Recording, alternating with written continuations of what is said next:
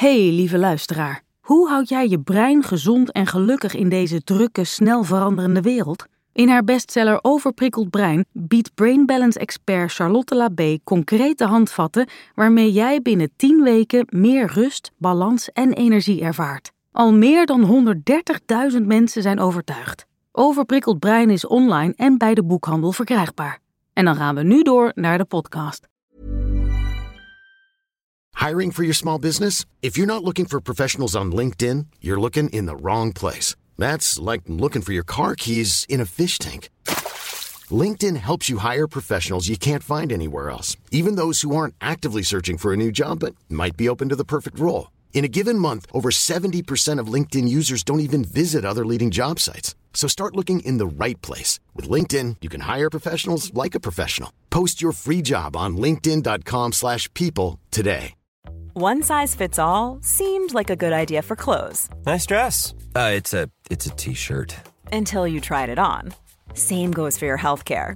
That's why United Healthcare offers a variety of flexible, budget friendly coverage for medical, vision, dental, and more. So, whether you're between jobs, coming off a parent's plan, or even missed open enrollment, you can find the plan that fits you best. Find out more about United Healthcare coverage at uh1.com. That's uh1.com.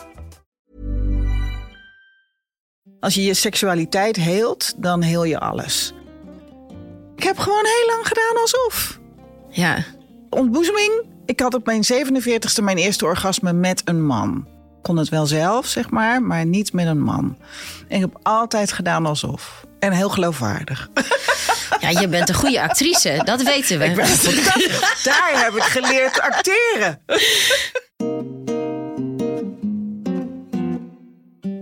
Welkom bij Lieve Marian. Een podcast waarin ik brieven beantwoord over het leven en de liefde. Jullie brieven. Over grote en kleine problemen. Ik ben therapeut en schrijver Marian Mudder, En ik ben Rachel van der Pol, jouw sidekick. mijn Robin. Met deze podcast hopen wij wat troost en inzicht te geven aan wie dat nodig heeft. Misschien jij wel.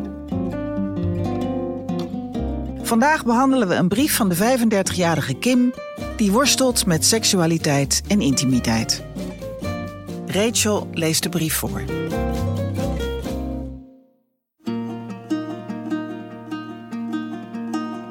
Lieve Marian, ik kan wel wat advies gebruiken. In mijn kindertijd ben ik tussen mijn zesde en dertiende wekelijks seksueel misbruikt. Ik heb hiervan al veel verwerkt. Ik ben in therapie en dat helpt. Ik ben heel tevreden met mijn leven. Ik heb fantastische vrienden. Ik merk dat ik intimiteit in mijn vriendschappen heel goed kan vormgeven. Ik heb geen relatie en heb totaal niet het gevoel dat ik iets mis. Ik ben me heel bewust van hoe ik met mannen en relaties omga. Ik vind maar heel zelden iemand leuk of aantrekkelijk. Er is altijd wel iets mis met de man, met mij of de situatie, waardoor het er niet van komt. In mijn vriendschappen ben ik heel erg echt. Maar bij een man heb ik het gevoel dat ik sta te doen hoe het hoort. Dat ik een vriendin speel. Dat we daten of seks hebben zoals andere mensen dat doen. Ik heb een relatie van vier jaar gehad met een jongen voor wie ik nog steeds heel veel liefde voel. Hij was op de hoogte van mijn verleden en ik heb daarin ook heel veel aan hem gehad. Hij was heel lief voor me, respecteerde mijn grenzen, zocht met me mee. Ik denk dat hij me ook echt wel kende. Althans, hij kende mijn verhalen. Hij gaf aan dat hij het gevoel kreeg dat ik hem buitensloot. En ik denk dat hij dat goed aanvoelde. Met een man is er dus seksualiteit, in mijn vriendschappen intimiteit. Heel soms merk ik in zo'n vriendschap dat ik denk: nu moet ik deze vriend of vriendin zoenen. Of op een seksuele manier iets teruggeven. Zo van: als iemand voor je zorgt, moet je daarmee naar bed. Een beetje dankbaar zijn. Ik herken dit wel vanuit mijn verleden. De persoon die mij misbruikte was ook mijn opvoeder. Zo vind ik het ook moeilijk om mooi gevonden te worden, omdat mijn misbruiker mij ook mooi vond. Ik denk niet dat ik bindingsangst heb, om er maar eens zo'n veelgehoorde gedachte tegenaan te gooien, maar ik denk soms wel dat ik verknipt ben. En dat maakt me verdrietig. Enig idee wat ik hiermee moet? Ja, dat is een groot verhaal. Ja, want wij bellen normaal van tevoren even over de brieven. Dan nemen we hem door. En eh, ja, dan hoef ik soms maar een paar woorden te zeggen. En dan rolt er al een compleet verhaal van jou uit. Ja. Maar bij deze brief was dat anders. Kun je Ja. uitleggen waarom? Ja, omdat.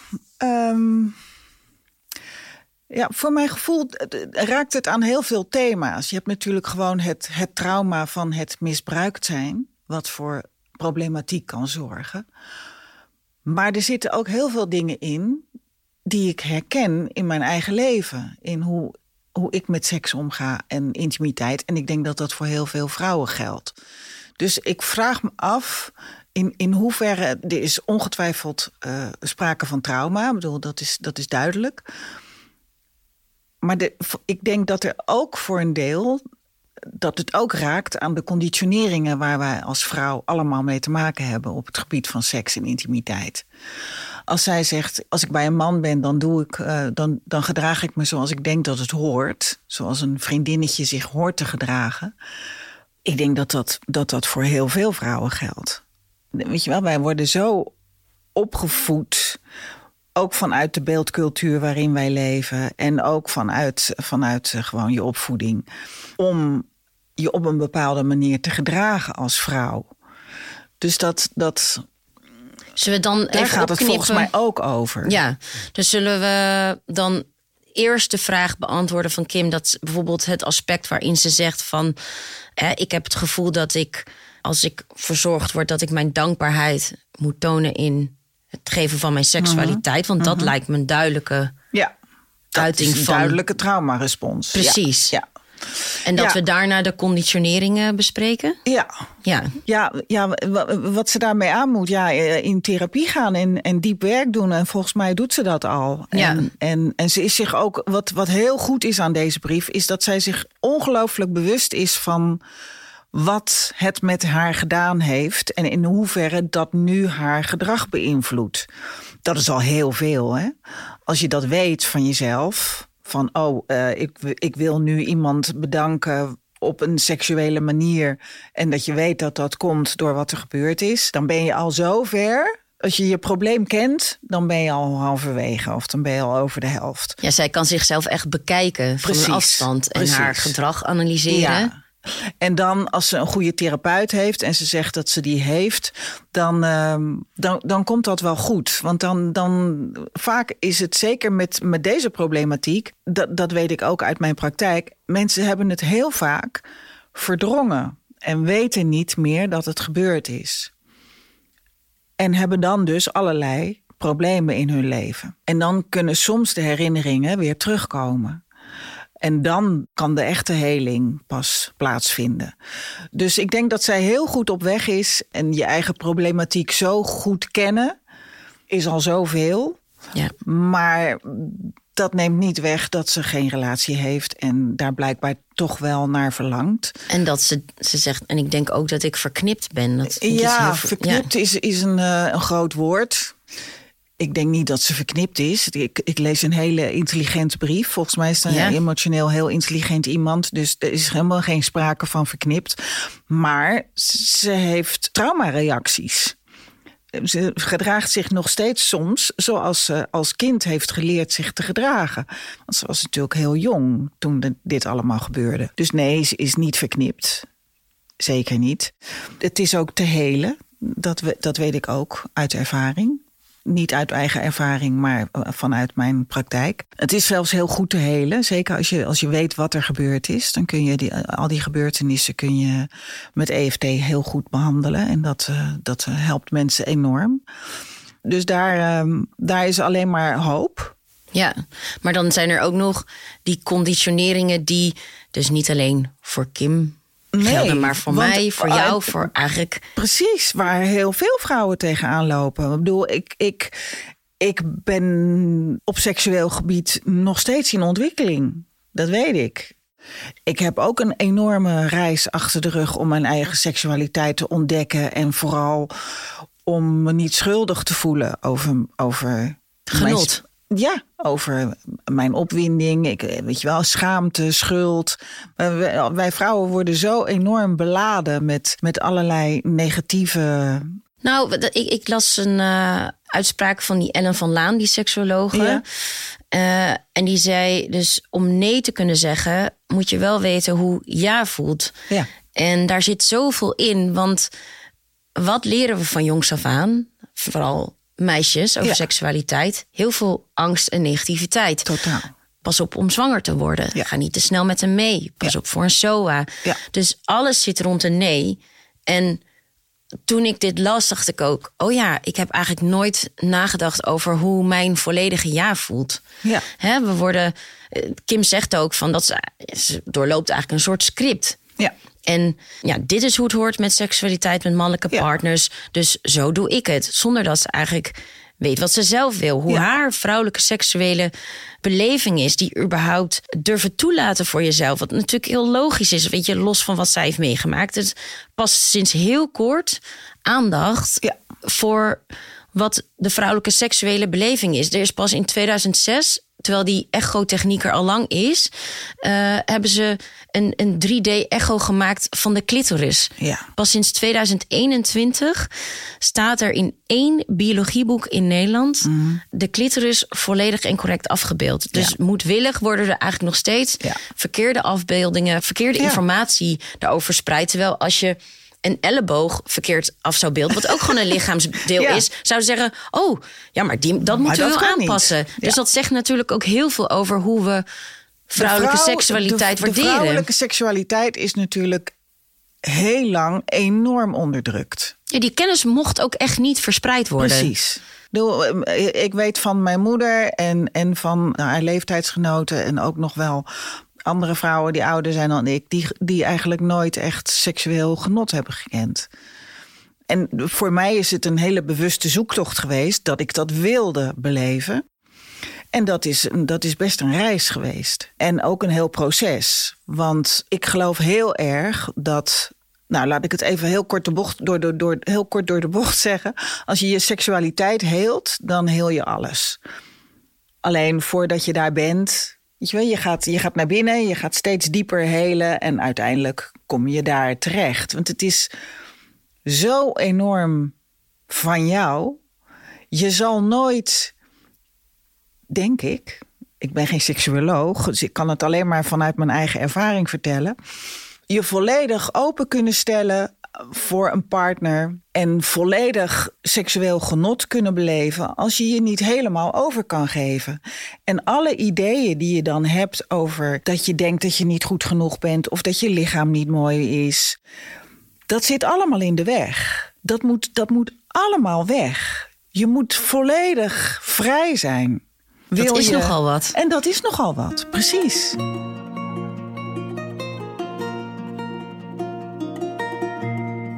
Ik ben nu ook nog een andere podcast aan het maken. Ja. De Eeuw van de Vrouw. Ja. Dus die van ons allemaal. Eh, en we hebben net een aflevering opgenomen. De huwelijksplicht. Mhm. Dus eigenlijk eh, de- wat de seksuele moraal was van de afgelopen honderd jaar. En wat seks nou eigenlijk is. En Ja. de erfenis die we daar nu van hebben. Nou, echt mijn... Ik leerde daar zoveel van. We hadden ook een gast, een specialist seksuele ontwikkeling, Anna Mare Jansen. Nou, zij is echt Mhm. te gek. Dus sowieso zou ik aan Kim adviseren om haar gewoon te gaan eh, volgen. Zij noemt zichzelf ook pleasure activist. Nou, zij heeft zoveel inzichten gegeven in blinde vlekken überhaupt die ik had over mijn lichaam. Zij spreekt dus ook bijvoorbeeld over een slappe en eh, stijve klit. Dus Oké. echt als ehm, dat als je penetratieseks hebt, dus niet soort van, je hebt heel verschillende soorten seks en. Ja. één daarvan is penetratieseks. Ja. Dan moet je, heb je een stijve klit nodig, want Ja. dat dient dan ook als kussentje voor je plasbuis. Dus gewoon de hele terminologie, de taal, hoe, hoe mijn lichaam werkt. Nou, ik dacht, voor mij was dat echt revolutionair. Ja, maar ook wat je net zei, de huwelijkse plicht. Ik ben heel jong gaan samenwonen. En ik herinner me dat ik al vrij snel mijn, mijn lust in seks verloor.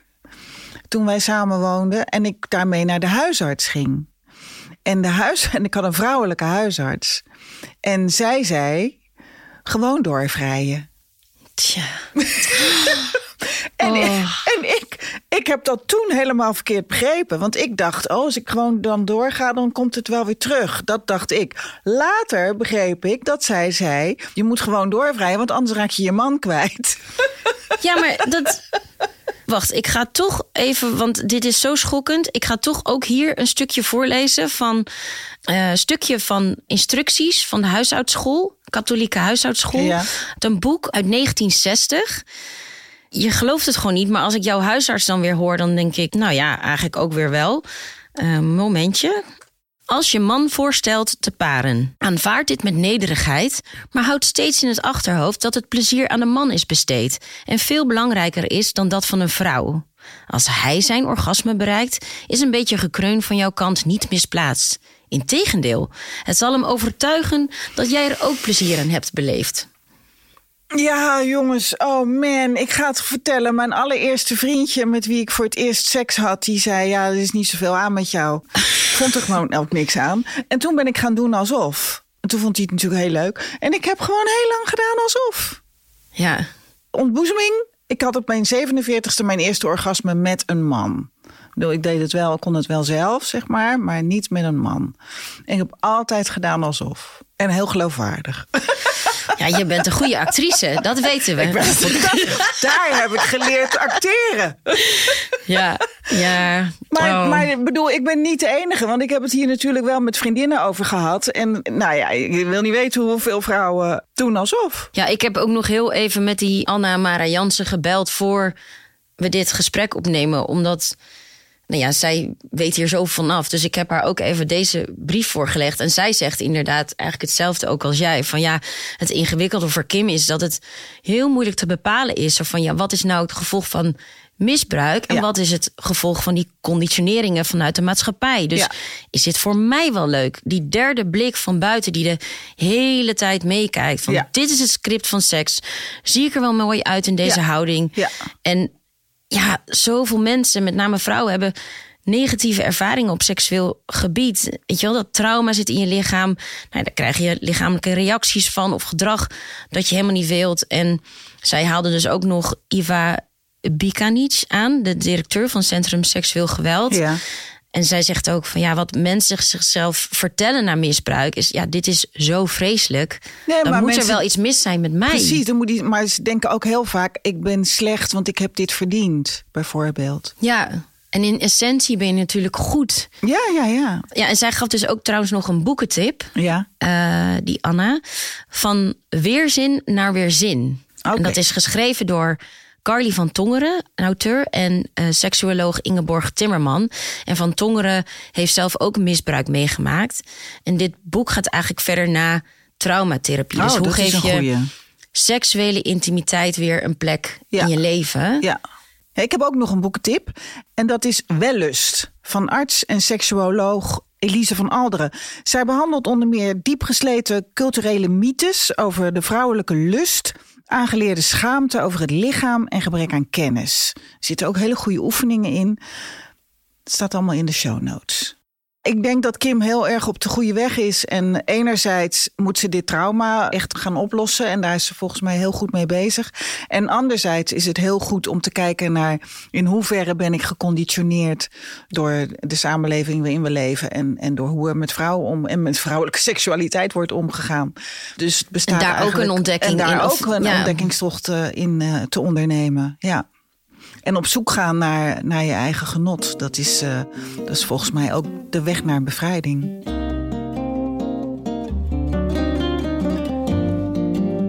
Je luisterde naar Lieve Marian, een podcast van VBK Audiolab en Ambo Antos. In deze aflevering hebben we het gehad over de vrouwelijke seksuele beleving en intimiteit. Alle tips die we hiervoor geven kun je vinden in de show notes. Zit je zelf met een probleem waar je niet uitkomt? Dan kan je een brief sturen naar lievemarian.gmail.com. Ik kan niet alle brieven beantwoorden, maar ik lees ze wel allemaal. Ik probeer zoveel mogelijk thema's te behandelen, zodat ook jouw probleem behandeld wordt, maar dan misschien verpakt in een ander verhaal. Dus blijf me vooral schrijven. Redactie van deze podcast is in handen van Rachel van der Pol en ik, Marian Mudder. Coördinatie Hedy de Vree en Piet van Riel.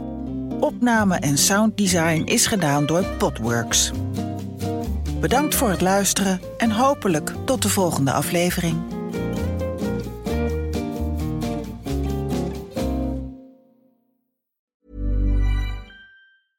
Imagine the softest sheets you've ever felt. Now imagine them getting even softer over time. That's what you'll feel with Bowl and Branch's organic cotton sheets. In a recent customer survey, 96% replied that Bowl and Branch sheets get softer with every wash. Start getting your best night's sleep in these sheets that get softer and softer for years to come. Try their sheets with a 30-night guarantee. Plus, get 15% off your first order at bowlandbranch.com. Code BUTTERY. Exclusions apply. See site for details. Mom deserves the best, and there's no better place to shop for Mother's Day than Whole Foods Market. They're your destination for unbeatable savings, from premium gifts to show-stopping flowers and irresistible desserts. Start by saving 33% with Prime on all body care and candles. Then get a 15-stem bunch of tulips for just $9.99 each with Prime. Round out Mom's menu with festive rosé, irresistible berry chantilly cake, and more special treats. Come celebrate Mother's Day at Whole Foods Market. Hey, lieve luisteraar. Hoe houd jij je brein gezond en gelukkig in deze drukke, snel veranderende wereld? In haar bestseller Overprikkeld Brein biedt Brain Balance expert Charlotte Labé concrete handvatten waarmee jij binnen 10 weken meer rust, balans en energie ervaart. Al meer dan 130.000 mensen zijn overtuigd. Overprikkeld Brein is online en bij de boekhandel verkrijgbaar.